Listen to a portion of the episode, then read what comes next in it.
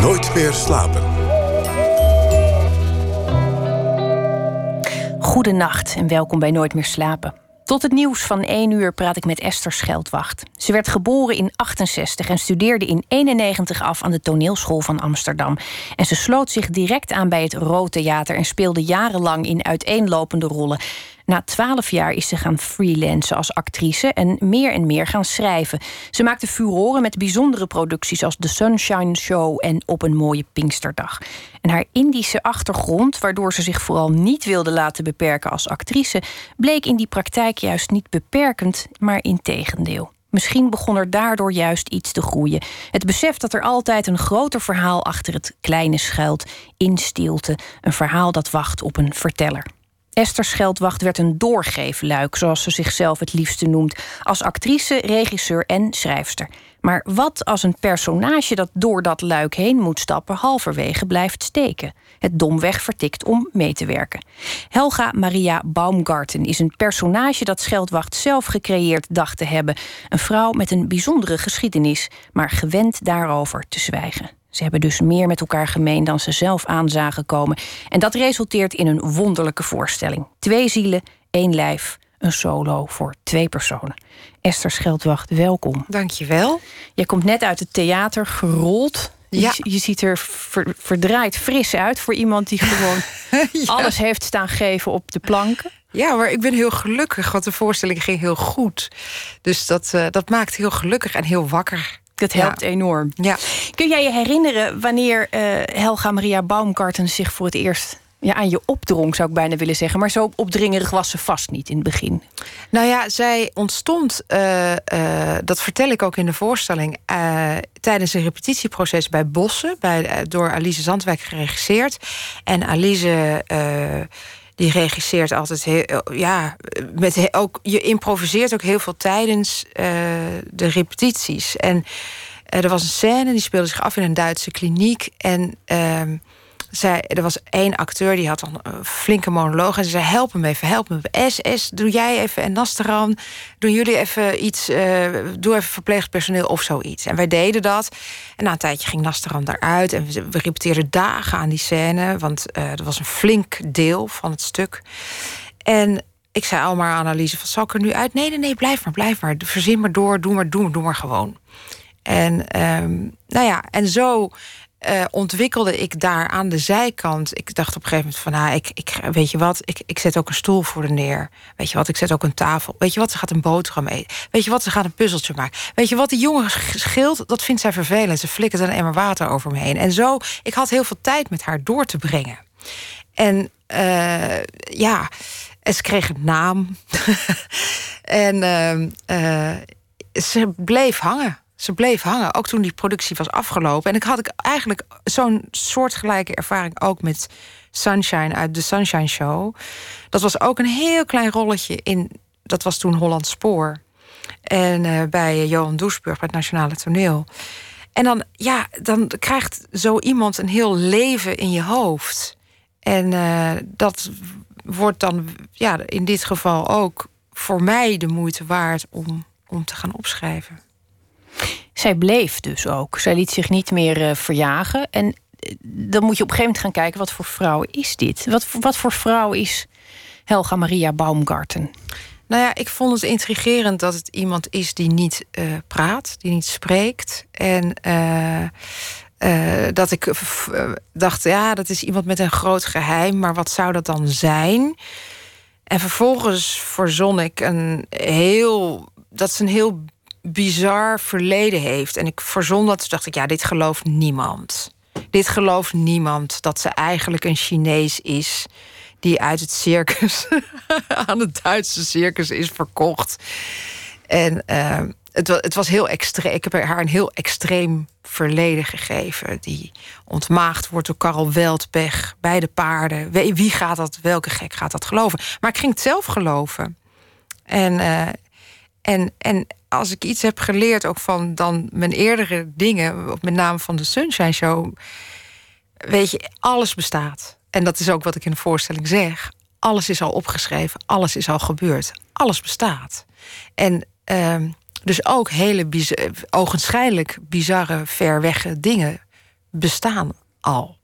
Je kan het zo gek niet bedenken of het bestaat. Ik ben ook vaak gewoon geschokt of, of verrast door dingen in het nieuws of in kranten. Of in, dat je denkt, zie je wel, het is helemaal niet overdreven. Het, is, het, is, het leven is extreem of kan heel extreem zijn. Het is heel vaak kitsch ook, hè? Hele grote verhalen zitten er vaak in dingen. Of, of extreme toevalligheden. Dat je denkt, nou, als je dat in een roman stopt, dan zegt iedereen dat kan niet. Het is uh, ja. te dik. Ja, ja. Vond je haar aardig? Nee. nee, nee, Helga is niet zo aardig. Helga is ook niet een pleasant iemand. Ik wel, maar Helga niet. Ze heeft wel een goede naam gekregen in dat geval. Ik kan me voorstellen als je zo'n zo'n zo'n personage... dat dringt zich aan je op. Goed, die blijft dan ook. Kan ik me ook nog voorstellen. Je verzint volgens een absurd verhaal... wat best is waar zou kunnen zijn. Je maakt het waar door erin in mee te gaan. Door het vorm te geven als schrijver. Tot zover, dan heb je een prachtige uh, solo. Gewoon niks meer aan doen. Je zet die vrouw op toneel en die gaat haar verhaal vertellen. Het wordt prachtig. Maar ergens is het misgegaan. Dat, dat ergens, ergens eh, had zij hele andere plannen volgens mij um, met jou. Uh, wanneer ontstond dat eigenlijk? Dat ze zich ging verzetten tegen wat jij van plan was? Ja, dat was al in de schrijvende fase ik wist wel dat ik haar leven wilde laten zien in stilte. Omdat het gaat ook over, het gaat over iemand die niet praat, die niet wil spreken. Ehm, dus ik vond het belangrijk om eigenlijk het publiek als een, een soort voyeuristische rol te geven daarin. Ik vind dat ook spannend aan zo, bijvoorbeeld zo'n film als Rear Window. Vind ik echt rete spannend om naar te kijken. Dus je bespiedt iemand. En ik was ook heel benieuwd hoe ver ik daarin kon gaan. Nou, ik heb echt duizenden fases gehad daarmee. Dus ik dacht ook, het moet zich herhalen. En nou ja, dat is enorm fijnschaven geweest in, in, de repetitie, in het repetitieproces. Want dat duurde veel te lang. Het duurt nu nog lang en dat vind ik goed. Ik vind het, mensen worden, sommige mensen worden er heel ongemakkelijk van. Andere mensen fascineert het enorm. Andere mensen irriteert het ontzettend. Van waarom moet ik hier naar kijken? Wat doet ze nou? Kan ik hoesten? Kan ik. Uh, dus je ziet heel lang een. een ja, je kijkt naar een leven, naar iemand die thuis komt en die er hele saaie dingen doet, maar ook hele bizarre dingen doet. Het dak op gaat, een, een, een koorddans doet, uh, droomt over paarden. Wat je op dat moment nog niet snapt. Op het moment, en op een gegeven moment ontdekt Helga het publiek en waant ze zich dus niet meer onbespied. En dan wordt zij ongemakkelijk. Omdat op dat moment wordt zij zich bewust van haar leven. En uh, dat verandert alles. Dat zet alles op haar kop. En uh, op zijn kop. Op haar kop. Op zijn kop. en dan, uh, ja, dan, ga, dan, dan komt ze niet meer op. Dan, dan denkt ze, dit, dit is helemaal niet wat ik wil. Ik vond het interessant om, om iets te maken over iemand... over een personage wat niet bekeken wil worden. Ehm. en wat ook niet niet een pleaser is, zei je net. Ja. Waarmee je eigenlijk gelijk over jezelf zei dat je dat wel bent. Uiteindelijk ben ik het niet, maar ik ben het geneigd te zijn. Het is je eerste instinct is om, om mensen hun zin te geven, om mensen het naar de zin te maken. Ja, maar niet, niet als ik uh, toneel uh, maak. Dan niet. misschien is dat ook. Dan vind ik het heel belangrijk om het niet te doen. Nou ja, misschien is dat dan ook de reden dat je daar terecht bent gekomen. Ehm, niet alleen omdat je een, een, een Helga uh, Maria Baumgarten kan creëren, maar ook omdat je er af en toe een beetje mag zijn. Ja, ja, nou, het was grappig. Het, het, gebeuren dat ik, dat ik een personage dus, dus eh, opschreef. Eh, wat niet bekeken wilde worden. En dan is de volgende. Ja, maar hoe, hoe krijg ik die vrouw dan weer op toneel? Ja, dan moet ik er zelf aan te pas komen. En toen werd het eigenlijk een, een, een ja, een confrontatie tussen mij en haar. En gaandeweg, we zijn heel erg aan elkaar gewaagd, vind ik. En, en gaandeweg uh, dagen we elkaar uit om, om eigenlijk allebei onszelf te gaan laten zien. En, uh, en, raakt, en dat raakt steeds meer met elkaar verweven. Het is echt een, uh, vond ik tenminste, ik, ik vond om veel redenen een, een spannende voorstelling. Ik zat ook nog naast een uh, spannende man. En, uh, nou, dat is helemaal sfeer, dubbel ja, spannend. Beter kan het bijna niet. het, was, het was een hele beklemmende situatie om naar te kijken. En ik dacht later, wat, waar lag dat nou aan? Ik, ik denk dat het een worsteling is tussen twee vrouwen die eigenlijk allebei niet willen jullie zijn, het is, het, het is een, een worsteling tussen twee mensen die liever zouden zwijgen, allebei. En het is daardoor heel spannend, want als die een een stap zet, dan moet die ander ook. Ja, ja ze dagen elkaar uit. Eh, maar uiteindelijk wil de schrijfster, want die is er ook nog, om het nog schizofrener te maken. de schrijfster mij, die wil het hierover hebben. Die wil dit aankaarten. Die wil, die wil zeggen, maar wacht even.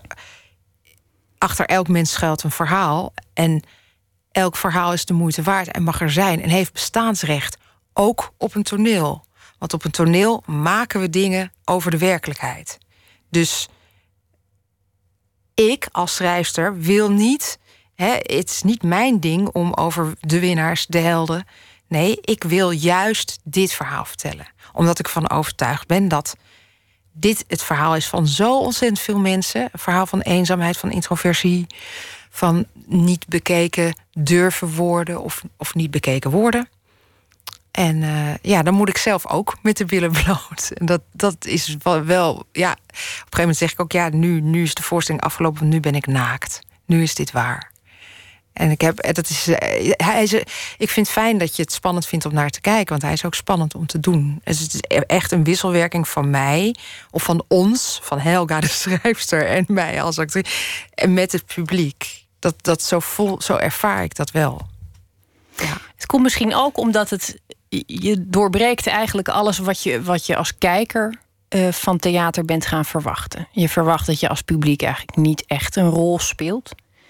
Ja. Um, ja. Nou, dat lapje aan je laars. Je gaat uh, dingen heel letterlijk benoemen. Dus je, je benoemt ook dat je op het podium staat. Je benoemt dat je een voorstelling maakt. Allerlei dingen die je als, als kijker gewend bent... dat die in die illusie worden gelaten, die, die, die breek je. En dat is, dat is een heel precair evenwicht, ja. lijkt mij, voor een acteur. Ja, ja dat, dat is het. Dat is het. Dat is het ook. Maar dat, het, uh, het voelt ook uh, best riskant wat ik doe maar um, ik denk dat, dat, dat ik dat heel graag wil. Dus, um, en ook het hele persoonlijke aspect daarin. Ja, dat, dat was aan de hand nu om dit te maken. Dat, uh, dat, dat gebeurde en, en dit is wat ik wil vertellen. En dat vind ik soms best wel eigenlijk bijna te eng. Maar ik doe het wel. Dus uh, de noodzakelijkheid ervan voel ik heel hard. Ja. Je hebt heel lang, um, dat noemde ik net al even in de inleiding, je hebt, je hebt, je hebt eigenlijk heel lang geworsteld met het idee dat je uh, met je Indische achtergrond iets moest. Je bent opgegroeid met ouders met oorlogstrauma's. Ik kan me voorstellen dat dat je vormt. En ik kan me ook voorstellen dat je, als je volwassen bent, zegt: Ik laat me daardoor niet bepalen. Ik laat dat niet mijn identiteit of mijn vakmanschap bepalen. Want anders word ik die actrice die altijd toch heb je de keuze gemaakt op een gegeven moment om daar wel mee aan de slag te gaan. Ja. Waar zat, het, waar zat het kantelmoment voor jou? Het kantelmoment zat voor mij heel duidelijk toen ik, mee, toen ik uh, familiefeest ging spelen met mijn broers. De Indische trilogie hadden. Uh, en dat, dat was uh, mijn, mijn oudste broer Carlo, die had al een voorstelling gemaakt, Sloom Bloed, met Chilene Piri. En de tweede was familiefeest van Theodor Holman. Dat had hij bewerkt. En mijn jongste broer is al enorm lang fan van Holman. En die is ook journalist. En die lijkt ook op hem. Dus die ging voor het eerst uh, officieel toneel spelen. Als de rol van verteller van Theo. Hè. Het eh, familiefeest gaat over het, het sterven van de, van de vader van Theo. En, uh, en wij speelden, uh, Carlo en ik speelden zijn broer en zus. Maar ik speelde ook nog, weet ik veel, tien, twaalf andere Indische familieleden. En in eerste instantie had ik er geen zin in, wilde ik het niet.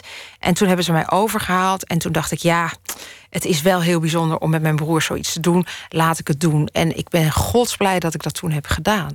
Omdat inderdaad, uh, daarvoor was ik ja, misschien wel bang voor een stempel. Of dat ik, ik wil niet in die hoek. Terwijl het heeft mij alleen maar daarna uh, om, om te kiezen voor rollen die wel Indisch zijn, heeft me eigenlijk alleen maar heel veel opgeleverd. Bij Mighty Society, bij Hoe Mooi Alles, bij. Uh, ja, en nu bij Helga ook. Bij de Sunshine Show is niet Indisch, maar is wel Aziatisch. Dus uh, ik, ben heel blij dat ik Ik heb nu gewoon het gevoel. Ik denk, ja, ik, ik gebruik het. Het is een rijkdom. Het is iets wat ik weet. Of wat aan mij kleeft. Of wat er nou eenmaal is. Maak er gebruik van. En dat voelt heel prettig. Er zit ook altijd een aspect aan. Ehm, en dat ken je ongetwijfeld als schrijver. Dat je, je maakt materiaal van iets wat echt is. Je maakt ook materiaal van, van de pijn die in een generatie zit. Van de pijn die je als kind misschien gezien hebt zonder dat je het kon benoemen. Alles wordt materiaal. En dat is toch een soort. Nou ja, dat kan me voorstellen dat dat een, een, een worsteling is waar je ook doorheen moet. Mag, je, mag je het wel gebruiken? Mag je het wel? Ja, dat is lastig, hè? Dat vraag ik me ook. Ja, dat vind ik, dat vind ik een hele moeilijke. Kijk, ik, ik, ik, uh, ik doe het in deze voorstelling ik gebruik het in deze. Ik zeg van alles, maar ik zeg dat ga ik dus niet zeggen. Moet ik dan zeggen dat? Moet ik dan zeggen zus? Moet ik Dus ik gebruik het op de ontkennende manier, wat ik ook weer super Indisch vind. En daarom doe ik het ook. En uh, uh, dus eigenlijk zeg ik allemaal dingen over mijn eigen persoonlijke leven en, en mijn geschiedenis. Uh, vertel ik dingen uh, maar zeg ik, daar ga ik het dus niet over hebben. En vervolgens gebeurt dat in die vorm. En gaat die inhoud het winnen, omdat ik dat blijkbaar toch wel kwijt wil en word daardoor meegesleept. En kom van daaruit in de conclusie van, maar ik ben degene die de verhalen vertelt. Dat is wie ik ben. En uh, want dat is wel, weet je wel, je identiteit. Ja, wat is identiteit? Wat vormt je identiteit? Zo ontzettend veel aspecten.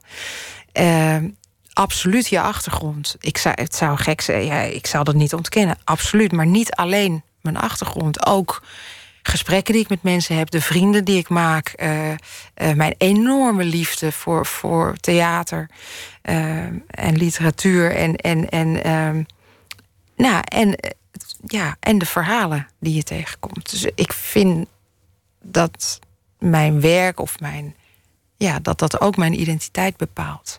En dan kies ik er uiteindelijk voor om nog één cruciaal mooi verhaal van Helga te vertellen. En dat is een verhaal van de liefde, over de liefde. En dat vind ik een mooi verhaal. We gaan daar natuurlijk uh, niks over weggeven, want ik vind dat ook een mooi verhaal. Dus dat, uh, dat, gaan, we niet, dat gaan we niet uitdiepen. Dat, dat moeten mensen volgens mij bekijken. Ja. Wat ik wel wil weten, en dat je, je, noemde dat net al zijdelings. We hebben het over het pleasen gehad. En, en nu zeg je dat het ook typisch voor Indische mensen is om dat, dat te zeggen, maar dan als een ontkenning. Waar zat hem dat in als je, als je kijkt naar, naar, jou, uh, naar jouw jeugd, naar de sfeer die er thuis was, dat, dat gedienstige bijna concludeer ik daaruit. Um, ik las een interview met jou waarin je eh, vertelde dat je altijd nee moest zeggen als je een koekje aangeboden krijgt. Drie keer nee zeggen. En dat kan helemaal niet in Nederland, want het is één keer nee, dan gaat de trommel dicht. Ja, dat, dat is dan jammer. Ja, dat was dan het gevolg bij niet-Indische mensen. Maar was je dan ook daardoor een, een heel lief, gedienstig meisje? Want de lieve gedienstige meisjes gaan niet acteren, volgens mij. Jawel, dat vind ik... joh, juist. juist. Ja, tuurlijk. Tuurlijk, je moet toch ergens dan je krengerigheid en je woede... en je alles, alle, alle, alle, alle andere dingen moet je kwijt. Ja hoor. Ja, ik was een heel lief gedienstig meisje. Maar ik dacht elke dag, morgen moet ik echt lief zijn. Morgen moet ik... Dus ook het idee van dat je maar lief moet zijn. Dat je maar moet deugen. Dat, dat, nou, niet dat dat er ingeramd was, maar oh, misschien zat het heel erg erbij. Ik weet het niet. Maar ja, braaf, braaf zijn. Goede cijfers halen. Daar ging, dat, was, dat was toch wel de bedoeling. Ik was super braaf. Gelukkig Behalve als je het podium opstapte dus. Ja, gelukkig ging ik wel naar, naar de toneelschool, ja. Ja. Toen je daar aankwam, hoe oud was je toen? 17. Jeetje. Ja. Dus ook nog heel erg jong. Heel erg jong. Ik had, ik had al op de. Eigenlijk krankzinnig. Ik had op de middelbare school had ik al uitgezocht. Uh, op welke toneelscholen je. Uh, hoe oud je daarop mocht. En je mocht alleen in Maastricht met 17 jaar. De rest was 18. Dus nou, ik ging uh, naar Maastricht op mijn 17e. En ik ik had dat niet verwacht dat ik aangenomen werd eigenlijk. Of zou worden. Maar dat gebeurde. Maar vervolgens gebeurde ook dat ik na een jaar weer van school af moest. En dat vond ik gemeen. Want ik dacht, ja, maar wacht even. Jullie hebben me een jaar geleden aangenomen. En nu wijs je me af omdat ik te jong ben, maar dat klopt niet. Want een jaar geleden was ik nog jonger. Dus dat, slaat echt helemaal nergens op. En, uh, maar dat is heel goed geweest. Want ik was ook gewoon veel te jong. Ach man, ik was zo bleu als een echt bleu, bloerde bloek en bie. Dus dat was heel goed. En toen uh, heb ik opnieuw auditie gedaan op, uh, in Amsterdam en Arnhem en Antwerpen. Toen werd ik overal aangenomen. Dat was feest. en toen ging ik naar Amsterdam. Ja. Ja. Wat hoopte je vooral? Want ik, ik bedoel, je, die liefde is heel jong begonnen. Maar je moet een beeld hebben gehad van waar je naartoe bewoog. Of had je dat helemaal niet en was je onbevangen? In nee, ik had geen idee. Spelen vond ik leuk. Vond gewoon spelen. Ja, leuk. Spelen vind ik nog steeds. Vind nog steeds leuk. Het schrijven kwam toen ook al heel snel. Uh, ja. Was dat, was dat toeval of noodzaak zelfs? Nee, schrijven was, schrijven was ook spelen, maar dan spelen op papier eigenlijk. Dat vond ik leuk. En ik, ik uh, heb mijn leven lang dagboekjes gedaan en de gedichtjes. En ik ben een enorme brievenschrijver. En uh, dat hoort eigenlijk allemaal al bij. Dat is allemaal een beetje oefenen en spelen. Spelen op papier. Maar het duurde heel lang voordat ik het echt durfde, serieus durfde te schrijven, eigenlijk. Ik heb een enorm respect voor schrijvers. En ik heb ook een paar schrijvende vrienden. En, eh, dus ik dacht ook altijd, ja, maar ik heb toch al een beroep. En dat, dat mag ik helemaal niet. Uh, ik heb al een beroep. Ja, ik heb, ik, ik, dat, dat, moet niet denken dat ik dat ook kan. Of, uh, maar ja, ik vond het te leuk. Ik vond het te leuk. En ik had met Sunshine zo'n ja, zo'n drive, zo'n eagerness om dat te gaan laten zien. Dat was je eerste stuk, hè? Ja, dat was officieel mijn eerste ja, stuk, ja. En het gaat over een, een Thaise, hoe noem je dat ook weer? Een ladyboy? Ladyboy, ja. Ja. ja. Ook een hele... Uh, Heel extreem verhaal ja. ook. Heel extreem verhaal. Daar hou je toch blijkbaar van. Of je vermoedt dat er overal wel een extreem verhaal achter zit. Zit je wel eens naast mensen in de tram en dat je denkt, die is heel saai? Of zie, of zie je Ik vind mensen niet wel? saai. Ik vind saai, dat vind ik zo'n stigmatisering. Ik vind dat zo'n onzin denk ik. Ja, er zullen vast wel mensen trouwens wel saai zijn. Mochten nee. er saaie mensen zijn. nee, ja, ik, ik vind niet zo. Ik geloof niet. Ik ben wel, ge, nee, ben wel geïnteresseerd in mensen. Ja. Ik denk dat er, dat er al. Ik denk altijd wel dat er iets achter zit. Ik denk dat er, dat er ook altijd iets achter is. Maar ik denk ook. En uh, daarom moet ik weer even teruggrijpen naar, naar Helga Maria Baumgarten als je die vrouw zo tien minuten ziet. Ja. Ehm, even uit de context van de spanning die je opbouwt op het podium. Dan vermoed je ook, je, je moet echt met terugwerkende kracht denk je, ja, dat zat er natuurlijk in. Maar op het moment dat je er ziet, je ziet haar een appeltje schillen en, en, en, en naar Bob Ross, geloof ik, eh, kijken en een beetje in slaap sukkelen. Dan denk je, ja, dat is, dit, je moet moeite doen om het verhaal te blijven zien. En dat is natuurlijk ook waar de voorstelling over gaat. Ja, en dat is eigenlijk waar de Pinksterdag natuurlijk ook wel over ging. Van uh, ja, kijken, kijk echt, luister echt. Kijk, ja, dat is wel iets wat terugkomt of zo. Ja. Heb je het gezien, gevoel dat je, dat je gezien en gehoord wordt, meer dan vroeger? Dat je dat je, je plek nu durft uh, op te eisen? Als, als wat, als mens of als, als actrice? Of, uh, Zullen we beginnen met mens? nee, nou, jawel. Ja, uh, jeetje. Word ik gezien en gehoord als mens. Jezus Christus, dat nou, is wel nacht, hè, nu. Um, ja, dat denk ik wel. Ja, ik denk het, ik denk het wel. Ja, ik mag het toch hopen van wel. Ja. Ik kan me bijna maar ik wil soms ook niet gezien worden. Hè? Dat is ook wel, moet ik wel eerlijk toegeven. Ik heb daar soms geen zin in. Eh, het hangt heel erg van de context af. Ik vind soms, uh, denk ik nou, à la, Helga, laat maar. Ik ga wel in een kast zitten. Of eh, ik doe het wel op een andere manier. Ik uit me wel op een andere manier. Dus ik vind het inderdaad op het toneel staan... vind ik heel prettige vorm van zijn.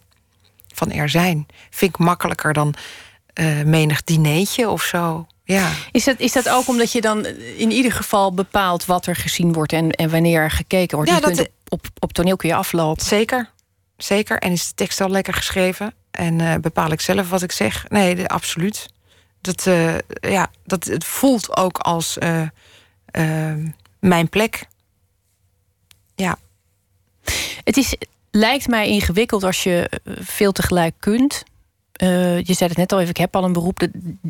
die gedachte heb je ook gehad. Van moet ik dit nog wel willen? Want nou ja, je hebt natuurlijk het risico als je dingen heel breed gaat doen, dat het allemaal aan de oppervlakte blijft. Je kunt niet alles uitdiepen.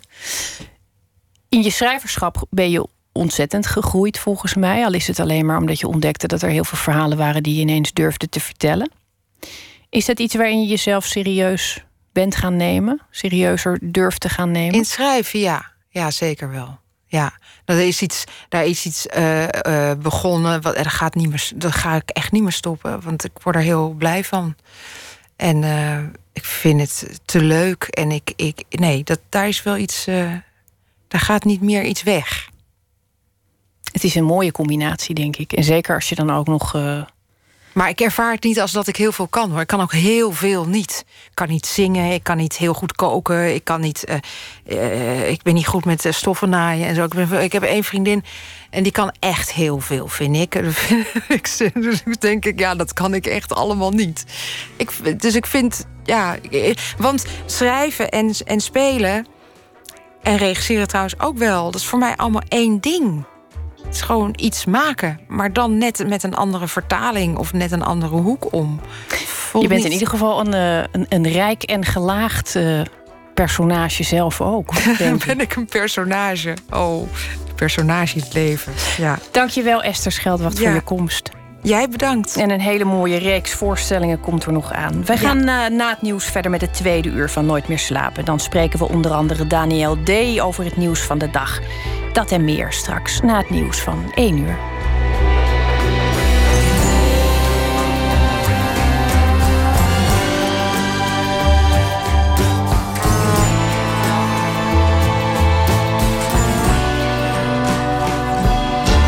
Op Radio 1, het nieuws van alle kanten.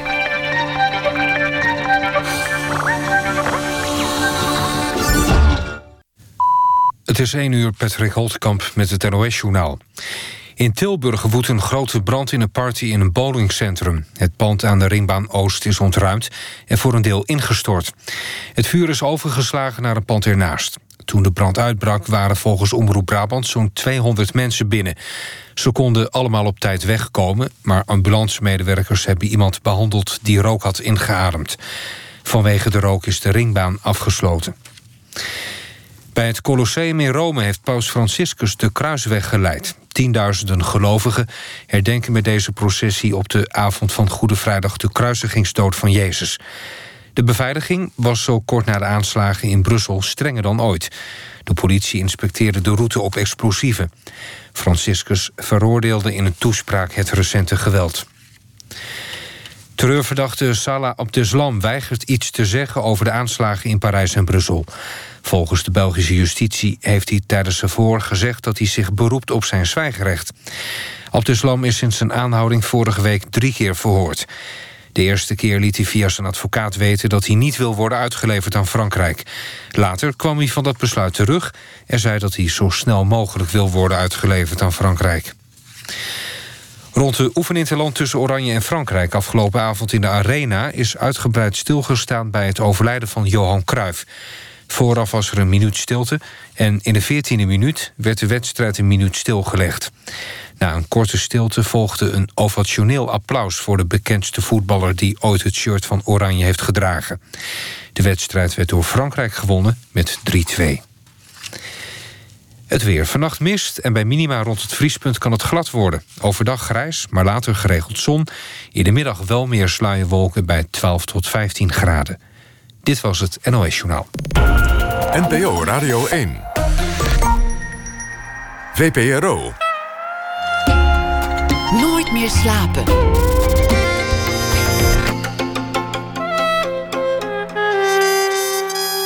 Met Esther Naomi Perquin. Goedenacht, welkom terug bij Nooit meer slapen. Intuïtieve mensbenadering. Zo heet het stappenplan dat ingezet kan worden bij plotseling contact met een ander mens. En straks spreken we met de bedenker van het stappenplan, beeldend kunstenaar Martijn Engelbrecht. En Jan Bijvoet komt langs, de Vlaamse acteur die in de film Embrace of the Serpent een Duitse ontdekkingsreiziger speelt die de jungle van de Amazone intrekt. Maar we beginnen met proza bij het nieuws van de afgelopen dag. Opnieuw verzorgd door Daniel D. En Daniel, wat een week is het geweest. Je had uh, de aanslagen in Brussel en het overlijden van Johan Cruijff. En het, zijn geen uh, prettige berichten allemaal, maar je, je moet er maar uh, aan gaan staan als schrijver. Nou, ik vond het echt inderdaad een heftige week. dus daar wilde ik eigenlijk vanavond, vannacht, het helemaal niet meer over hebben. Ik was er wel een beetje klaar mee, moet ik eerlijk zeggen, met al die nare berichten. Ja, ik neem aan dat je nu een, een hondsvrolijk bericht hebt gevonden. waar je nee, volkomen ja. op uitleeft. Nou, nee, nee goed. Jij, jij bent zelf, ik, wil je eigenlijk iets vragen uh, voordat ik eraan begin. Want jij bent zelf ook schrijver natuurlijk. het is namelijk een bericht over uh, twijfel. En ik, ik heb zo'n klein theorietje. Um, uh, waarin kunstenaars eigenlijk in de breedste zin van het woord... die maken dingen ofwel vanuit twijfel of omdat ze uh, super zelfverzekerd zijn. Dat is een beetje mijn theorie. En ik vroeg me af, volgens mij ben jij ook een twijfelaar. Ik ben uh, uit twijfel. Zonder meer een twijfelaar. Ik heb de twijfel, uh, staat hoog bij mij, maar ik ben daar dan wel weer heel zeker van. Oké, okay, nou dat is fijn. Nou, dan is dit bericht, dit gaat over twijfel. We gaan naar je luisteren. Het windei gelegd.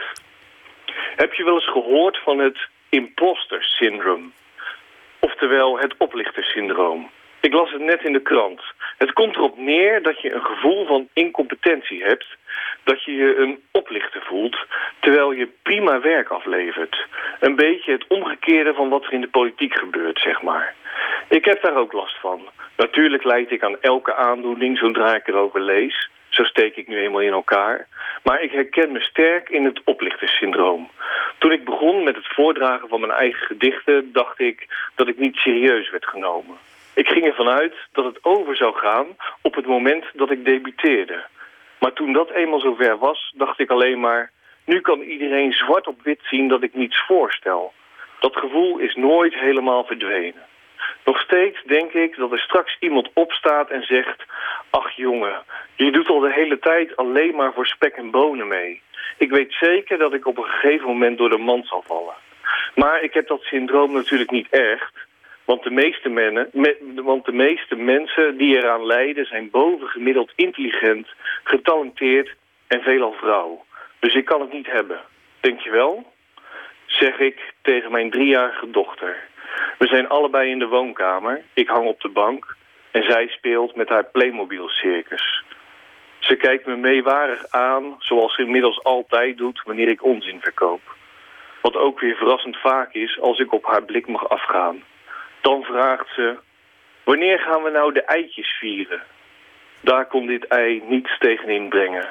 Daarom wens ik iedereen bij deze veel licht toe en een vrolijk eifeest. Daniel, dank je wel. En, uh, en, en, bedank ook je dochter namens ons. Um, jij in ieder geval voor de hele week en, en zij voor alle eifeesten die nog uh, ons te wachten staan dit weekend. Ja, dat zal ik doen. En slaap lekker. Ja, fijne uitzending nog. Dag. Oké. Okay. Uit Brooklyn, New York komt Lucius. Een band met de opvallende vocalen van twee frontvrouwen, Jess Wolf en Holly Lessig. En van hun nieuwe plaat Good Grief is dit My Heart Got Caught on Your Sleeve. Don't know how to start this, no I don't know what to say. It seemed to fall out of the sky. Lost and found is all the same. Trying to think of my heart as an ocean where there's room enough for things to come up to the top. I'm counting on it sinking down again.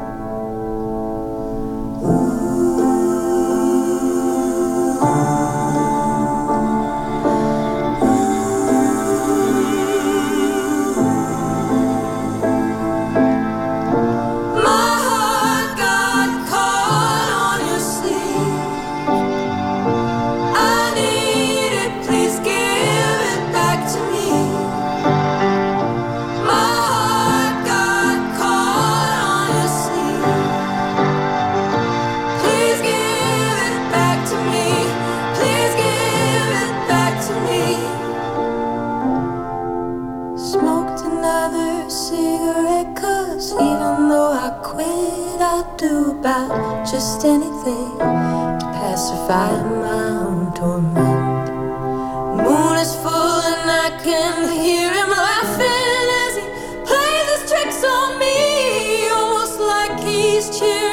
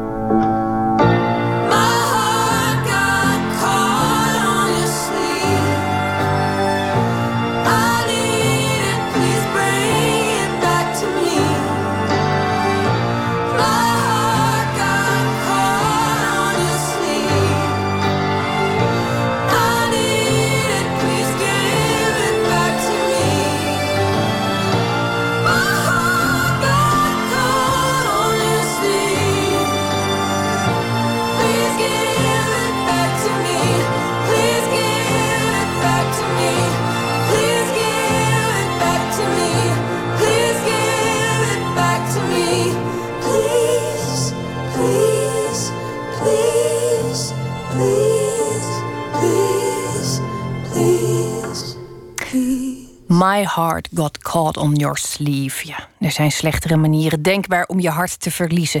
De New Yorkse band Lucius was dat. Nooit meer slapen. Intuïtieve mensbenadering is de naam van een installatie van kunstenaar Martijn Engelbrecht. Zijn stelling is: machines lijken steeds meer op mensen. Maar waarom gaan wij ons steeds meer als machines gedragen? Sta eens stil bij de vraag of je een mens bent. De installatie is te zien op de kunstmanifestatie Hacking Habitat in de voormalige gevangenis in Utrecht. En verslaggever Botte Jellema leerde hoe hij intuïtief mensen kan benaderen. Oké, als de schoenen uit zijn, dan, eh, geef ik jullie, dan kunnen jullie doorlopen naar de volgende ruimte. Nou, de schoenen moeten uit. Dat om te beginnen. En dan is er een ruimte wat omheind is door gaas. Eh, binnen staan stalen stellages en een gele vloerbedekking, gele stoeltjes. Als je hier binnenkomt, trek je je schoenen uit, krijg je een koptelefoon op met een heerlijk wachtmuziekje. En word je uitgenodigd een formuliertje in te vullen met de vraag: Ik heb last van. En het mag iets verder gaan als eh, een grote teen. Dus je kan even doorschrijven. Best mens. Welkom bij Intuïtieve Mensbenadering voor Beginners. U begeeft zich in een oefening. Zorg ervoor dat uw telefoon op vliegtuigmodus staat. Stop het formuliertje met uw last in uw linkerbroek, rok of jurkzak. Ja, dan word je uitgenodigd via die uh, ja, audiotour eigenlijk hebben we hem gemaakt. Door deze rekken heen om je een weg te banen uh, langs de aardappels. Tijdens deze oefening wordt er u niet gesproken. Wij van intuïtieve mensbenadering zien praten als een overschatte methode om mensen te benaderen. Om door een uh, ja, heel mooi. Ja, wat is het? Een, een, een, een mal. een mal van, uh, van de mens. Het is een werk van Sanne Lubbers om uh, daar je een weg doorheen te, te wurmen. U bent onderweg naar een oefenruimte. Het is belangrijk dat u zich realiseert dat wat hier gebeurt en wat u doet niet goed of fout kan gaan.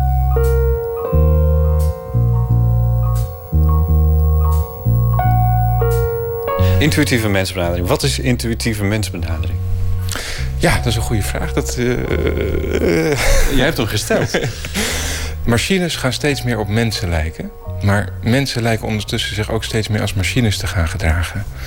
En dat gebeurt voor hoe je met andere mensen omgaat. gebeurt ook hoe je in je hoofd met, met situaties omgaat. Eventjes, want dan, je zegt machines beginnen steeds meer op mensen te lijken. Bedoel je dan de robots die we onderhand aan het uitvinden zijn... of ook dat een telefoon, een smartphone terugpraat als je er iets tegen zegt? Ja, die, die varianten. Dus dat, dat, dat ze slimmer worden, meer, dat minder duidelijk wordt wanneer heb ik nou met een mens van doen, wanneer heb ik met een machine van doen. En die machines gaan natuurlijk ook hebben spelen een steeds grotere rol in de interactie tussen mensen. Soms heel, ja, eigenlijk bijvoorbeeld de conducteur laat bepalen door zijn machine of jij een boete krijgt of niet. Mm -hmm. En in die zin, ja, machines uh, staan vaak ook een beetje in de weg. Dus we worden daar voortdurend door gecontroleerd, geobserveerd. En uh, dat neemt een beetje de, ja, weg dat mensen nog op elkaar, uh, met elkaar bezig zijn. Ja, intuïtief elkaar benaderen, zo gezegd. Ja, dus ik, ik heb vaak. Je ziet nu in de, in de trein iedereen met zijn smartphone voor zijn neus zitten. En enerzijds proberen. Ja, het is, werkt als een soort hek om de mensen heen. Waardoor je eigenlijk, als je met een vraag zit of wil weten, dat het is vaak ja, moeilijk om daar echt even doorheen te komen. Haal een paar keer diep adem en geef een flinke zucht bij het uitademen. Adem in.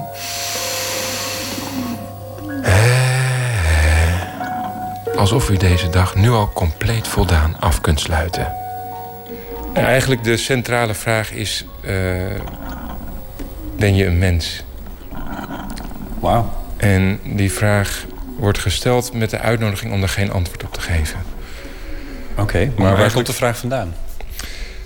Nou, de, van wat is voor jou, wat is mens? Wat, wat is, dat niet wij dat bepalen, dat het niet door iemand anders bepaald wordt, maar dat je dat zelf, dat je zelf die vraag, je kan het bij iemand. Ik bedoel, er zijn natuurlijk dingen om ons heen die gebeuren waarvan je je afvraagt: is dat menselijk om te doen? Is dat menselijk om te doen? Uh, ik denk dat het belangrijk is om je regelmatig die vraag te stellen: ben ik mens? En wat betekent dat voor mij? Mm -hmm. hoe, hoe wie bepaalt dat? Hoe wordt dat bepaald? Adem wat dieper in en uit. En maak contact met dat waar u last van had bij het uittrekken van uw schoenen. Dus er wordt niet gesproken? Er wordt niet gesproken, dus de vraag ben ik een mens... hoef je ook niet hard op te beantwoorden. Maar ik merk wat, ik, wat we terugkrijgen... dat veel mensen het heel erg verfrissend ervaren... om zichzelf die vraag te stellen. Omdat uh, in nou, mijn eigen ervaring ben ik heel vaak aan het... Uh, om me heen aan het kijken naar andere mensen, hoe zij het doen... om mezelf al dan niet als, met, tot menselijk genoeg te verklaren. En op het moment dat je eigenlijk, ja, wie, wie, waar zit dat eikpunt van ben je een mens? Mm -hmm. En waar zit het eikpunt? Wat is menselijkheid? Daarna opent u uw ogen en vindt u voor u een orakel. Dit orakel zal zonder woorden, zonder bewust iets te doen, informatie geven over hoe u met uw persoonlijke last om kunt gaan. En op een bepaalde manier uh, nou, is denk ik het ontmoeten, de mogelijkheid om andere mensen te ontmoeten. En niet alleen maar via woorden, maar ook van hart tot hart. Um, best wel een belangrijk aspect van de mens. En ik merk dat hoe minder het in het publieke domein kan plaatsvinden... hoe meer het in andere domeinen. Dus we doen het niet in de trein... maar daarom gaan we met z'n allen naar grote festivals... waar we dan elkaar met heel veel pillen op... dan wel in liefde kunnen ontvangen. Dat is, dat, dat, dat iets wat ik ervaar. Dat ik denk van, oh ja, het zou fijn zijn als het ook in het dagelijks leven een grotere rol zou kunnen spelen. Mooi. Ik denk dat je gelijk hebt. Ik denk dat het zo is. Nou, dus ik, ja, ik hoef helemaal geen gelijk. Het is gewoon, ik vind het leuk om hiermee met deze gedachten te spelen. En nee, het is, het is, er, is natuurlijk, er is een hele grote verbazing, niet alleen bij mij individueel, maar in, in zijn algemeenheid, over wat is dat toch met die festivals? Wat is dat toch met mensen? Maar ook met grote concerten. De, de concertzalen worden ook steeds groter. Al die publieke evenementen worden groter, groter, groter, groter. Koninginnedag Amsterdam, noem het allemaal maar op. Ja. Ja, dus ook zelfs naar de bioscoop gaan, de gedeelde ervaring. Dus iedereen zit wel achter zijn mobiele telefoon, maar toch met elkaar een film kijken. Daar is die behoefte is er voortdurend. Uh, en dan, maar dan zit je wel te kijken naar andere mensen die met elkaar vechten of vrijen of wat dan ook. En terwijl eigenlijk denk ik dat de mensen dat allemaal op zoeken naar manieren om, om ja, de, wens hebben om zelf met hun agressie, met, hun, uh, met alles een vorm te vinden waarbij ze, uh, nou, waarmee ze ermee om kunnen gaan. Vind dan een manier om deze oefening af te sluiten. Bedank elkaar zonder woorden op een manier die bij u past. U uh, werd ineens mijn orakel. Ja. Wat vond u ervan? Ja, wat vond je er zelf van? Heb je er wat aan? Ik hoop wel dat ik u last heb. hele slimme antwoorden. U gaf hele slimme antwoorden. Dat is wel waar. Ja. Het moet gezegd worden. Ja, hè? Ja, maar ja. Mijn, mijn, moeder is ook gewoon heel erg slim. Nou, ik bedoel, wil kijk nou. Maar, uh, nou. Ja, nee, nee mijn, mijn lasten zijn uh, weg. ik uh, kan me niet... nou ja, waarschijnlijk als ik in de realiteit kom... dat er wel weer wat terugkomt. ja. Wat vind jij ervan? Ik vond het best raar. Raar? Ja, het was best wel even denkt, oké, okay, hoi. Een beetje, ja, een beetje ongemakkelijk. Als ik terugkijk is het gewoon het eerste woordje wat ik noemde in mijn leven was raar. En ik zag, ik, ik, ik wees alles aan en ik zei tegen iedereen die langskwam raar, raar, raar. En uh, mijn ouders vonden dat een beetje ongemakkelijk. Want dat is echt waar? Dat je dit is echt, dit is echt mijn eerste woordje. Uh, maar achteraf heb ik gedacht, of inmiddels denk ik... het is een hele gezonde manier om te kijken naar de wereld. Van hoe hebben we de wereld ingericht met elkaar... of de, onze voorouders, hoe hebben ze dat gedaan? En kunnen we daar ook naar kijken dat het echt een beetje vreemd is. Dat niet zozeer wij vreemd zijn in de wereld... maar dat de wereld die we met elkaar georganiseerd hebben... vreemd is ten opzichte van ons. En dat, dat we daar dus ook in in, ja, als, we als je er naar kan kijken met verwondering... is van, van hey, raar of bijzonder of interessant dat we dat zo hebben gedaan... maar wat zijn er anders voor mogelijkheden? Ja. Dat is denk ik wel wat we als mensen kunnen. Merk je ook dat mensen die hier binnenkomen... die die workshops bij jou doen... of die überhaupt deze, door deze installatie gaan... Um, dat, die uit, dat die merken dat ze uit dat systeem breken of willen? Uh, wat ik terugkrijg van veel mensen... Er zijn mensen die, oh, die weglopen hieruit. Dus die vinden het te, te confronterend. Het is niet, een, systeem, een systeem kan ook heel comfortabel zijn, hè? Ja, een systeem kan comfortabel zijn. Absoluut. En ik, denk, ik ben in, in die zin ook niet tegen systemen. Nee. Um, ik denk wel van... Oké, okay, je biedt... Elk systeem vraagt gewoon om eigen verantwoordelijkheid. En waar kan ik dit systeem gebruiken... voor hoe ik als mens op deze aarde wil zijn? Ja. Uh, en dat is denk ik van waar kan je de, wanneer is het belangrijk om er doorheen te breken? Wanneer is, er, is de grens van hoe je zelf met je leven om wil gaan bereikt? Mensen zijn verbaasd erover dat ze hier na een kwartiertje hierin zijn geweest. Dat ze iets in zichzelf meemaken wat ze normaal niet meemaken. Waarvan ze denken, oh, dit wil ik eigenlijk wel vaker meemaken. Ja, het was echt heel inspirerend. En intuïtief ook? Ja, het is heel erg intuïtief en inspirerend. Ja, het was echt... Uh, ja. ja.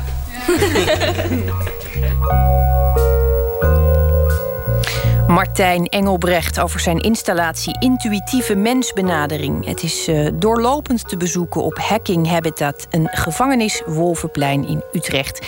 En bovendien zijn er het hele paasweekend workshops over intuïtieve mensbenadering. The Party, zo gaat het nieuwe album van de Canadese singer-songwriter Andy Schauf heten. Hoewel de muziek eerder stemmig dan uitbundig klinkt. Dit wordt de openingstrack, The Magician.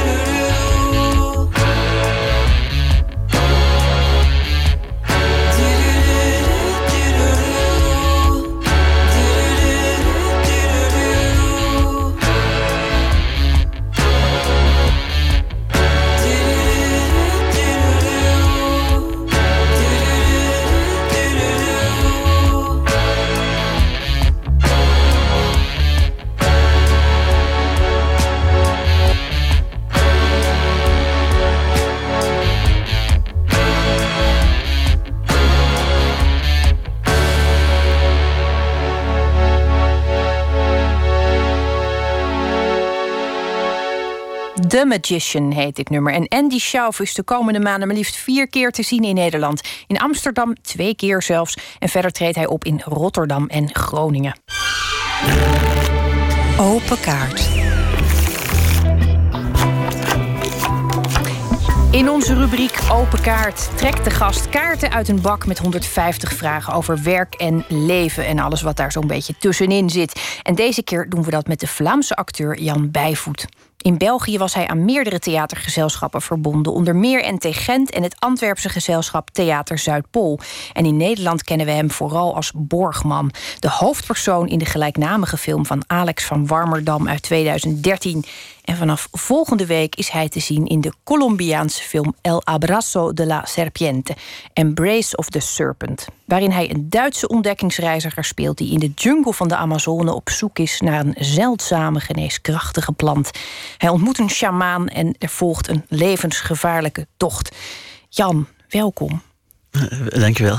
Hoe komt een, eh, een Vlaamse acteur in een Zuid-Amerikaanse film terecht?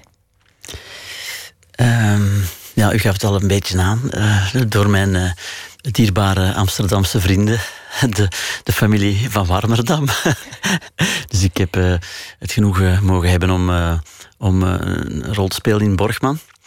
En die film die heeft het eigenlijk best wel goed gedaan. Die is al begonnen met geselecteerd te worden voor de Gouden Palm in Cannes. En dan, ja, dan heb je een grote zichtbaarheid. Dan wordt er van over heel de wereld naar je film gekeken. en daardoor is hij op, op veel andere festivals terechtgekomen en in landen verkocht. Waardoor dat de mensen die uh, Abrazo de la Serpiente aan het voorbereiden waren, dus de regisseur en ook een van de producers, die heeft Borgman gezien. Een van de producers zag hem, denk ik, in Toronto op het filmfestival. Die toen naar Ciro, de regisseur, belde om te zeggen: Ik denk dat ik iemand gezien heb die misschien wel eens geknipt zou kunnen zijn voor de rol die we nog zoeken. En hij was toevallig op een festival in Argentinië, waar Borgman ook wederom toevallig speelde. Dus ik heb gewoon heel veel geluk gehad dat zij allebei die film eh, op twee, drie dagen tijd hebben kunnen zien. En dan hebben ze mij gecontacteerd. Geluk natuurlijk en, en vooruitgesnelde faam, zullen we maar denken. Het is een, uh, een, een rol die wel heel veel vraagt. Um, fysiek stel ik me zo voor, maar ook um, qua research. Je, je, je spreekt in de film een taal, en dat doe je ontzettend vanzelfsprekend, lijkt. Het is een uh, lokale taal. Hoe, hoe heb je dat in de vingers gekregen? Want dat is nogal wat. Ja, um, eigenlijk, ik heb die taal natuurlijk niet kunnen leren. Ik heb die eigenlijk volledig fonetisch uh, uitgebeend, letter na letter. En die uh, proberen te reconstrueren als een papegaai eigenlijk. en ik heb dan geprobeerd om, om zoveel mogelijk te begrijpen wanneer een zin begon, wanneer die eindigde, waar een woord begon en waar een volgend woord begon, om zo toch een soort beeld te krijgen van wat ik zelf aan het zeggen was. En, uh, ja, en dat was best kort dag ook. Dus ik heb een paar weken dag en nacht uh, met oortjes in uh, alleen maar teksten geleerd en, en gedroomd. Het is niet het meest, hoe zeg je dat, Hollywood-achtige moment in je carrière, kan ik me zo voorstellen. Nee. Als je daar fonetisch als een papegaai zit te werken. Ehm, het gebied waar jullie gedraaid hebben, jullie zijn daar acht weken geweest? Ja, ik denk in totaal misschien een week of acht, negen. En ik ben er zelf zes weken en een half geweest of zo, denk ik. Je ziet in de film heel goed, het is ook een uh, filmisch gezien schitterend om naar te kijken. Ook omdat je die kracht, die, die, die natuur op zich is bijna, bijna ook een, een speler in Ja. de film. Hoe was dat om daar te zijn? Wat, wat, voor, wat, wat, wat deed dat? Ja, dat is natuurlijk bijzonder. De natuur is sowieso bijzonder daar. En een verhaal maken met mensen samen eh, die over die natuur daar gaat en over die mensen die daar in die natuur wonen. En ondertussen zelf een hele periode in die natuur zijn met die mensen. Dat is natuurlijk een, dat is, een- dat is, een, dat is, meegenomen. Om, omdat je dan eh, eh, een heel klein, heel klein beetje voeling krijgt met wat het zou kunnen zijn om daar, om daar deel van te zijn. Moest je nu bijvoorbeeld eh, ergens in een grote stad eh, een, een, een, een studio bouwen met de, de Amazone nagebouwd en een aantal acteurs die doen alsof ze Indianen zijn, dan zouden we niet dat gevoel helemaal op die manier hebben kunnen overbrengen, denk ik.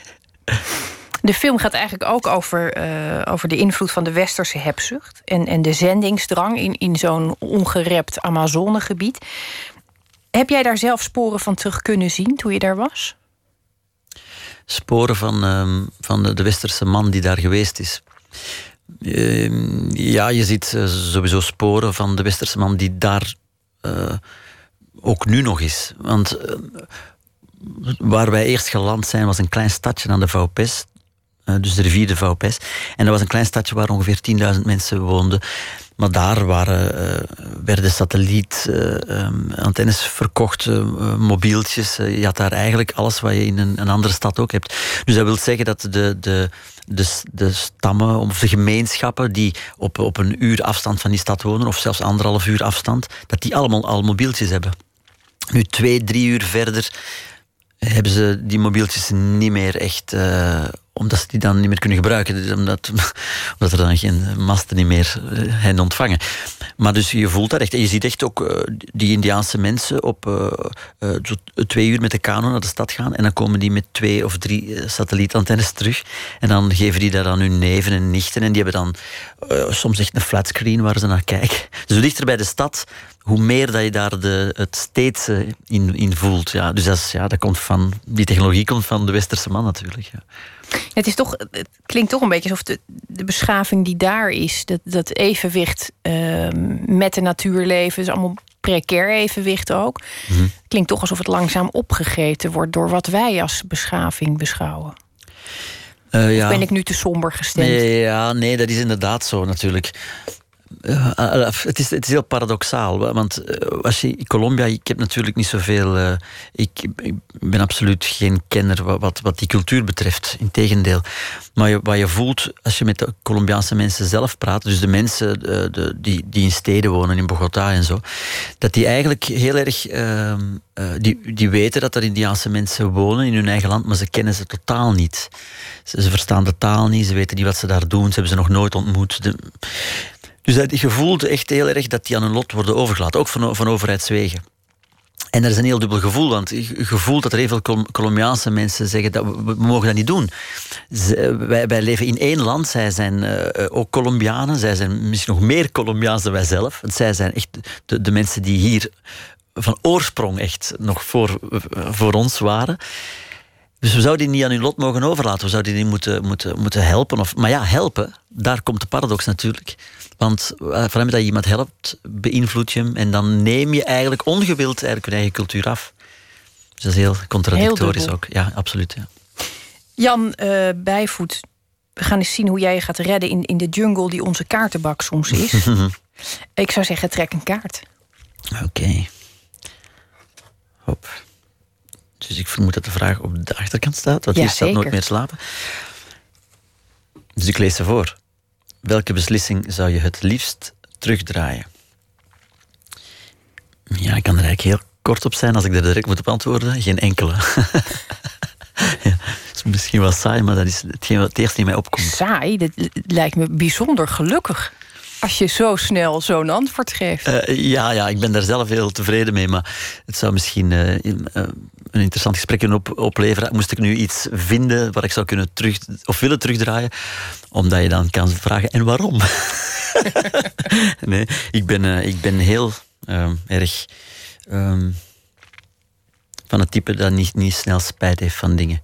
Omdat dingen zijn nooit zwart-wit. Zwart en dingen hebben, hoe klein ook elk, voordeel, elk nadeel heeft zijn voordeel, zeggen ze. Het is, het is, nu ongelukkig dat ik het nu net vandaag zeg. Maar dat is ook zo. Eh, de, ah, in alles kan je, als je een beetje positief ingesteld bent, het positieve zien.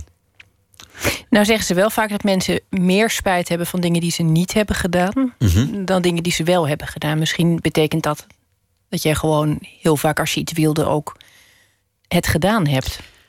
Ja. Dat levert minder spijt op misschien. Ja, dat is misschien wel waar. Ik denk dat ik heel veel dingen al heb mogen doen die ik heel graag eh, wilde doen en nog wil doen. Ik heb daar heel veel geluk in, ja. Ja, absoluut. Het is inderdaad heel saai, gelukkige mensen. Pak maar gauw een, een volgende, een volgende kaart. kaart ja. Hop. Van welke collega zou je nog wat kunnen leren? Oh. Ja, van, ik denk dat ik van al mijn collega's veel kan leren. Mijn collega's, dan moet ik zo in eerste instantie denken aan collega-acteurs, omdat ik zelf acteur ben. Ja, zeker. Door samen te spelen leer je heel veel. Kun je je een situatie herinneren waarin je met een collega samenwerkte en iets zag gebeuren waarvan je dacht, jee. Ja. Eh, eigenlijk, het, het samenspelen is wonderlijk. Hè? Het samenspelen vind ik een van de, de mooiste dingen die, die ik al heb mogen doen. Dus eigenlijk het zo, zo, zo vrij mogelijk pretenderen alsof je niets weet en, het, en beginnen. Naakt zijn en beginnen. Dat is wonderlijk. En ik weet niet of dat je dat kan duiden of dat je dat in woorden kan omzetten wat je dan leert. Dat gaat dan natuurlijk over het spelen aan zich en het, uh, u, een soort uh, um, ambacht leren in het acteurschap, om het dan zomaar te noemen, of in het uh, theater maken. Dus ik weet niet of dat je dat onder woorden, of dat je dat zo goed onder woorden kan brengen, maar omdat dat heel intuïtief is. Maar ik denk dat je door het veel te doen en met mensen waar je op dezelfde golflengte mee zit, dat je daar ontzettend veel van leert. En ook natuurlijk van regisseurs, als ik die ook als collega mag uh, noemen. Van regisseurs leert je heel veel. Van mensen die je vertrouwt natuurlijk. Je moet in eerste instantie heel veel vertrouwen hebben. En als je dat hebt, dan leer je ontzettend veel. Ik leer ook heel veel van jonge mensen. Ik, ik, uh, ik werk ook heel graag met jonge mensen samen. Ik, soms gebeurt het sporadisch dat ik op een zeker moment ineens met jonge mensen iets maak in een school. Ik heb het nu, daarmee moet ik er nu aan denken, omdat ik het net achter de rug heb. Ik heb een paar weken met jonge mensen in Antwerpen gewerkt. En dat is heel bijzonder. Ik leer daar misschien nog meer van dan al mijn leeftijdsgenoten. Ja. Waar zit hem dat toch in? Ik, ik, ik hoor dat heel soms, dat mensen, de, je moet daar ook voor open kunnen staan. Maar dat die jongere generatie blijkbaar toch iets aandraagt. Wat, wat in de voorgaande generatie ontbrak. Of dat er toch iets ontstaat. Maar ik, ik kan daar de vinger nooit op leggen. Nee, ik denk ook niet dat, het, dat de jonge generatie daarom uh, beter of, of slimmer of, uh, of moediger is dan de, dan de minder jonge generatie. Dat denk ik niet zozeer. Maar wat er gebeurt is dat, dat, dat is, er is een verschil. De, de het, um, het, het ontbreken van een bepaald soort ervaring heeft een heel grote rijkdom. Ik merk dat die soms dingen zeggen waar dat ik direct van zou kunnen zeggen: Oh ja, dat ken ik, dat heb ik daar al gezien, dat heb ik daar al gezien. Maar dat moet je dan nu juist niet doen. Uh, ik weet, toen ik, toen ik in het begin met Olympique Dramatiek samen, dat is een Antwerps gezelschap waar ik veel mee samengewerkt heb, toen zij in het begin zeiden, en die zijn nog maar tien jaar jonger dan ik, toen uh, we waren aan het repeteren en dat, ging, dat werd heel absurd en grotesk. En toen was er iemand, die zelfs ouder was dan ik, en die zei, ah ja, ja, dat is een beetje Monty Python-achtig. En een van die mannen zei Monty Python. Monty Python, ja, uh, wat is dat juist? Uh, ja, dat is een, een, gezelschap die ook films gemaakt hebben, Monty Python, ja. En, die, die jongen, die, vroeg, die man vroeg, was, dat, was dat goed? Ja, ja, heel goed. Oké, dan is het goed, hè. Dus helemaal zich geen zorgen maken over, oei, dat is dan al gedaan. Nee, nee, was dat goed? Oké, okay, perfect, dan zijn we goed bezig. Dus gewoon het niet weten en gaan is fantastisch. En dat merk ik nu bij die, bij die jonge mensen ook op school. Die hebben een soort durf, een soort lef, omdat het, het niet weten een grote kracht heeft. Ja. Mooi. Pak nog een laatste vraag, ja, Jan, alsjeblieft. Zeker. Heb je wel eens gevochten? Wow, dat wordt intiem. Ja, eigenlijk wel. dat is natuurlijk wel gênant. Moet je maar, vergraven of is dit nee, heel dat ligt, dat, ligt, uh, dat ligt op het puntje van mijn tong. Ik weet dat heel goed, ja, wanneer dat gebeurd is. Ja. Ik heb vroeger uh, op school... Enfin, ik ben opgegroeid in een stad, dus in Antwerpen. En wij leefden nogal aan, aan, uh, aan de marginale kant. Dus ik ben echt een straatjongetje, een, stads, een, stads, een stadsschuimer geweest altijd. En dan moet je je zo wat, wat, wat, wat sterk houden tussen, tussen, de, tussen de andere straatschuimers. En de, zo, dat, dat houdt zo een beetje het midden tussen jongetjes die op een plein spelen en soms een beetje bendetjes. Zo. En op de school waar ik zat ook, dat was een technische school, dan moest, dan moest je toch soms wel uw mannetje staan. En ik weet, ik was dan ook heel jong. Ik, toen ik uh, in het eerste jaar van de technische school kwam, was ik nog maar elf. En toen waren daar al jongens, dat was een school van 2000 mensen. En dat, toen waren daar al mensen in mijn klas die al een paar keer waren blijven zitten. Zoals wij in Vlaanderen zeggen, dus het jaar opnieuw gedaan. En die hadden al snorren. En ik wist nog bij God niet, uh, ik, was echt nog ik, zag er nog, ik zag er nog acht jaar uit. Maar dan moest je soms wel even eh, om niet het, het, object te worden van pesterij, moest je soms gewoon je mannetje staan en dan moest je iemand die. En dat was niet uit een soort strategie, dat zou nu zo lijken, maar op een zeker moment, uh, toen ik gepest werd, dat, dat ik het rood voor mijn ogen zag en, en dacht van nu is het moment. En ik was daar ook heel kwaad en dan ben ik beginnen slaan. En uh, dat was niet zo erg hoor. Die zat een beetje tussen de jassen zo geduwd. En... Maar toen stond ik mijn mannetje en toen hebben ze me niet meer gepest nadien. Het is allemaal goed afgelopen. ja. Jan Bijvoet, hartelijk dank voor je komst. En um, ik vermeld nog even dat de film Embrace of the Serpent... zoals die in het Engels heet... vanaf 31 maart te zien is in de Nederlandse filmtheaters. Dank wel. We gaan muziek draaien van Timmy Thomas, de soulzanger die in 72 zijn eigen café opende, Timmy's Lounge Bar genaamd, waar hij improviserend het volgende nummer schreef: Why Can't We Live Together?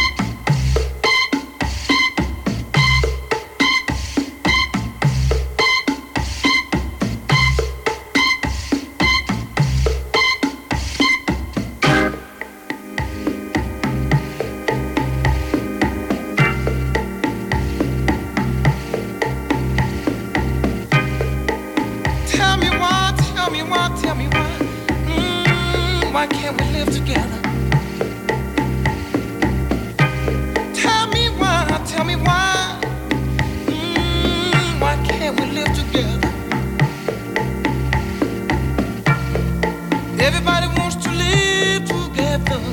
Why can't we live together?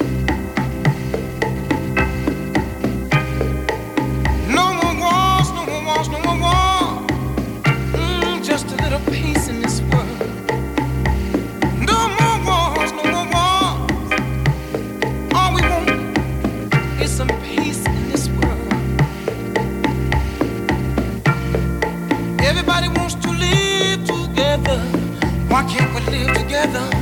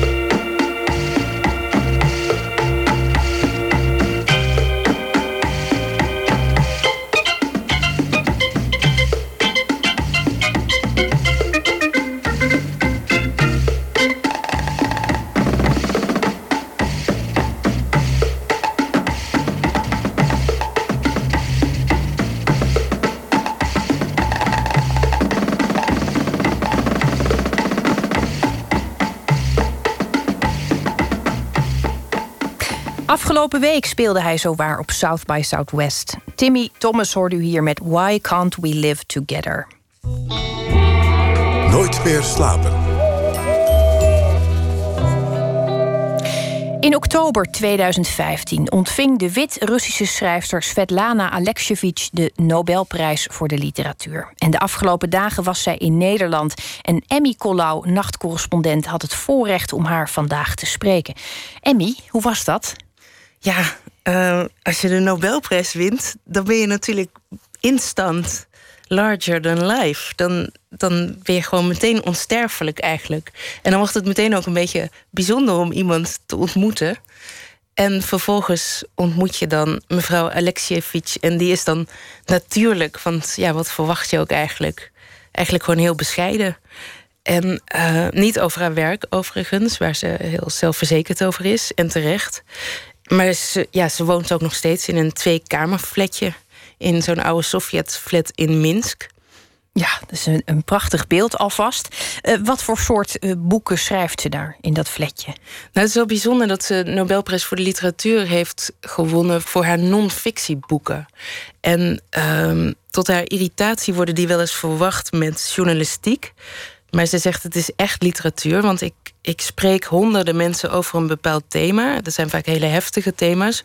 Bijvoorbeeld uh, slachtoffers van Tsjernobyl of soldaten in Afghanistan over de Tweede Wereldoorlog. Maar van die verhalen componeert ze dan vervolgens wat ze noemt stemmen. En die stemmen die vertellen over de geschiedenis, maar vooral ook over gemoedstoestanden. Ze zegt in haar eerste boek, De oorlog heeft geen vrouwengezicht ook, ik wil vooral de waarheid van toen begrijpen met hun onvervalste gevoelens. En voor dat boek uh, dat schreef ze eigenlijk al begin jaren tachtig. Dat is nu in de Nederlandse vertaling uitgekomen. Daarom was ze ook in Nederland. Uh, en daarvoor sprak ze gewone vrouwen over de Tweede Wereldoorlog.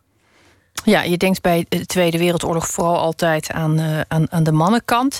Uh, waarom heeft ze gekozen voor het vrouwenperspectief? Ja, dat is wel bijzonder, zeker in die tijd. Um, er waren ongeveer een miljoen vrouwen betrokken in het Rode Leger. En zij hoorde na die oorlog als klein meisje, dat was de generatie van haar ouders, hoorde ze aan de keukentafel hoorde ze hele andere verhalen van vrouwen over die oorlog dan wat de officiële geschiedschrijving in Rusland natuurlijk was, in de Sovjet-Unie. Dat was natuurlijk een, ja, het verhaal van de grote overwinningsoorlog. Dat was gewoon propaganda. En daar had de ellendige kant van die oorlog, die had daar helemaal niet zo'n plek in. Maar die vrouwen die vertelden dat wel.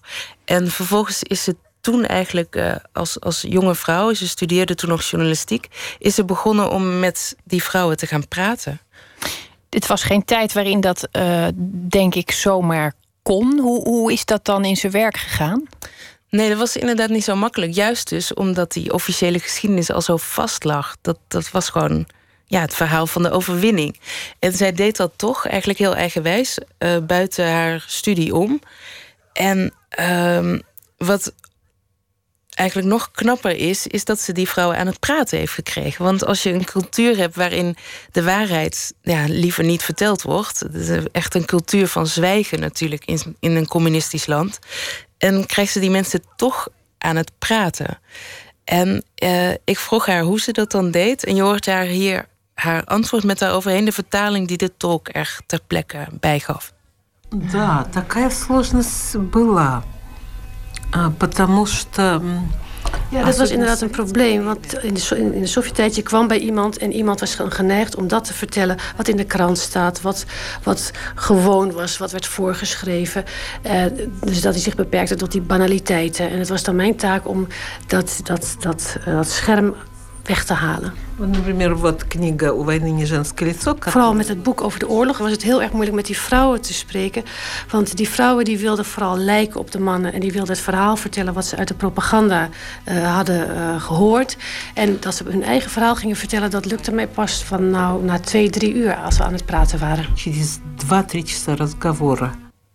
Ja, het boek werd aanvankelijk geweigerd door de censuur in 1983. Maar vervolgens is het onder Gorbachev in 85 is het toch gepubliceerd.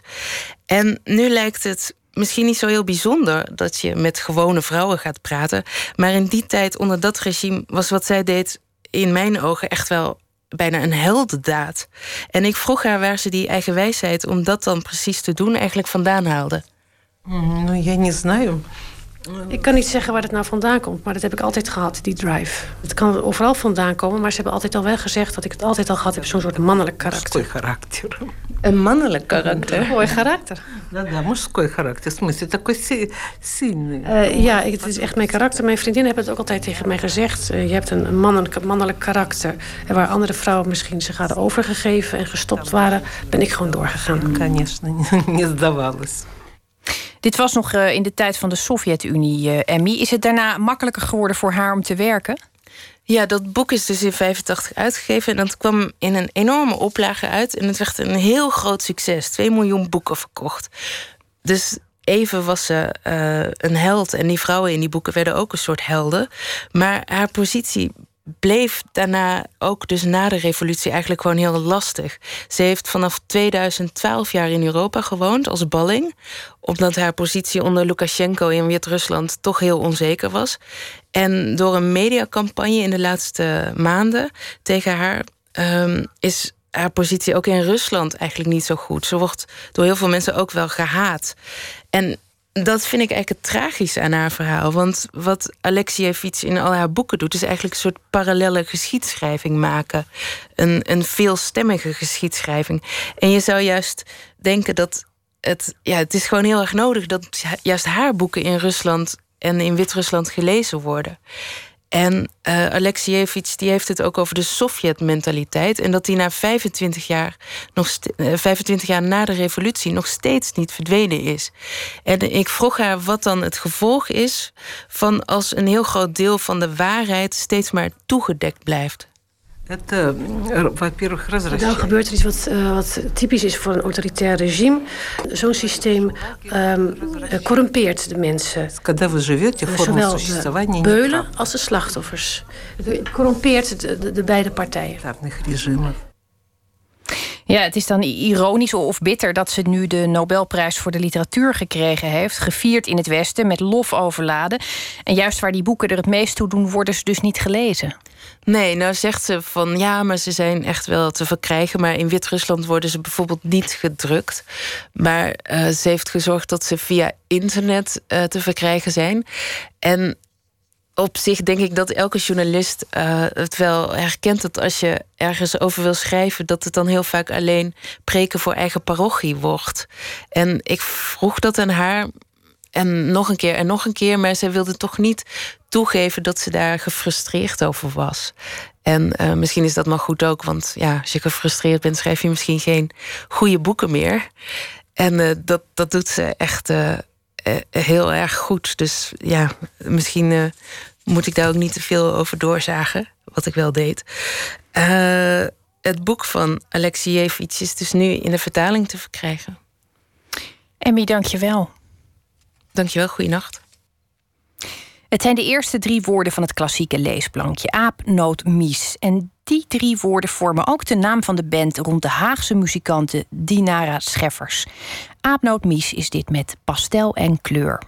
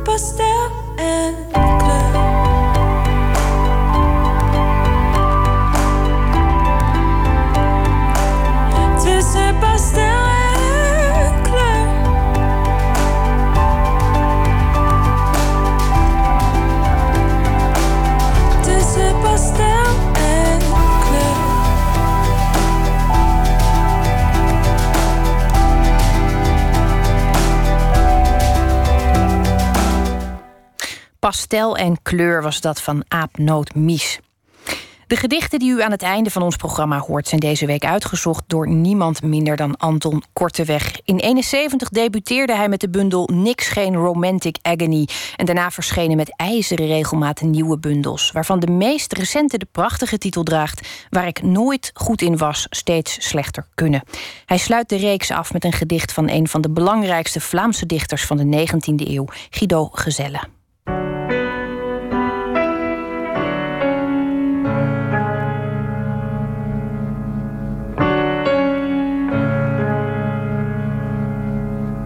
Het gedicht Gierzwaluwe van Guido Gezelle.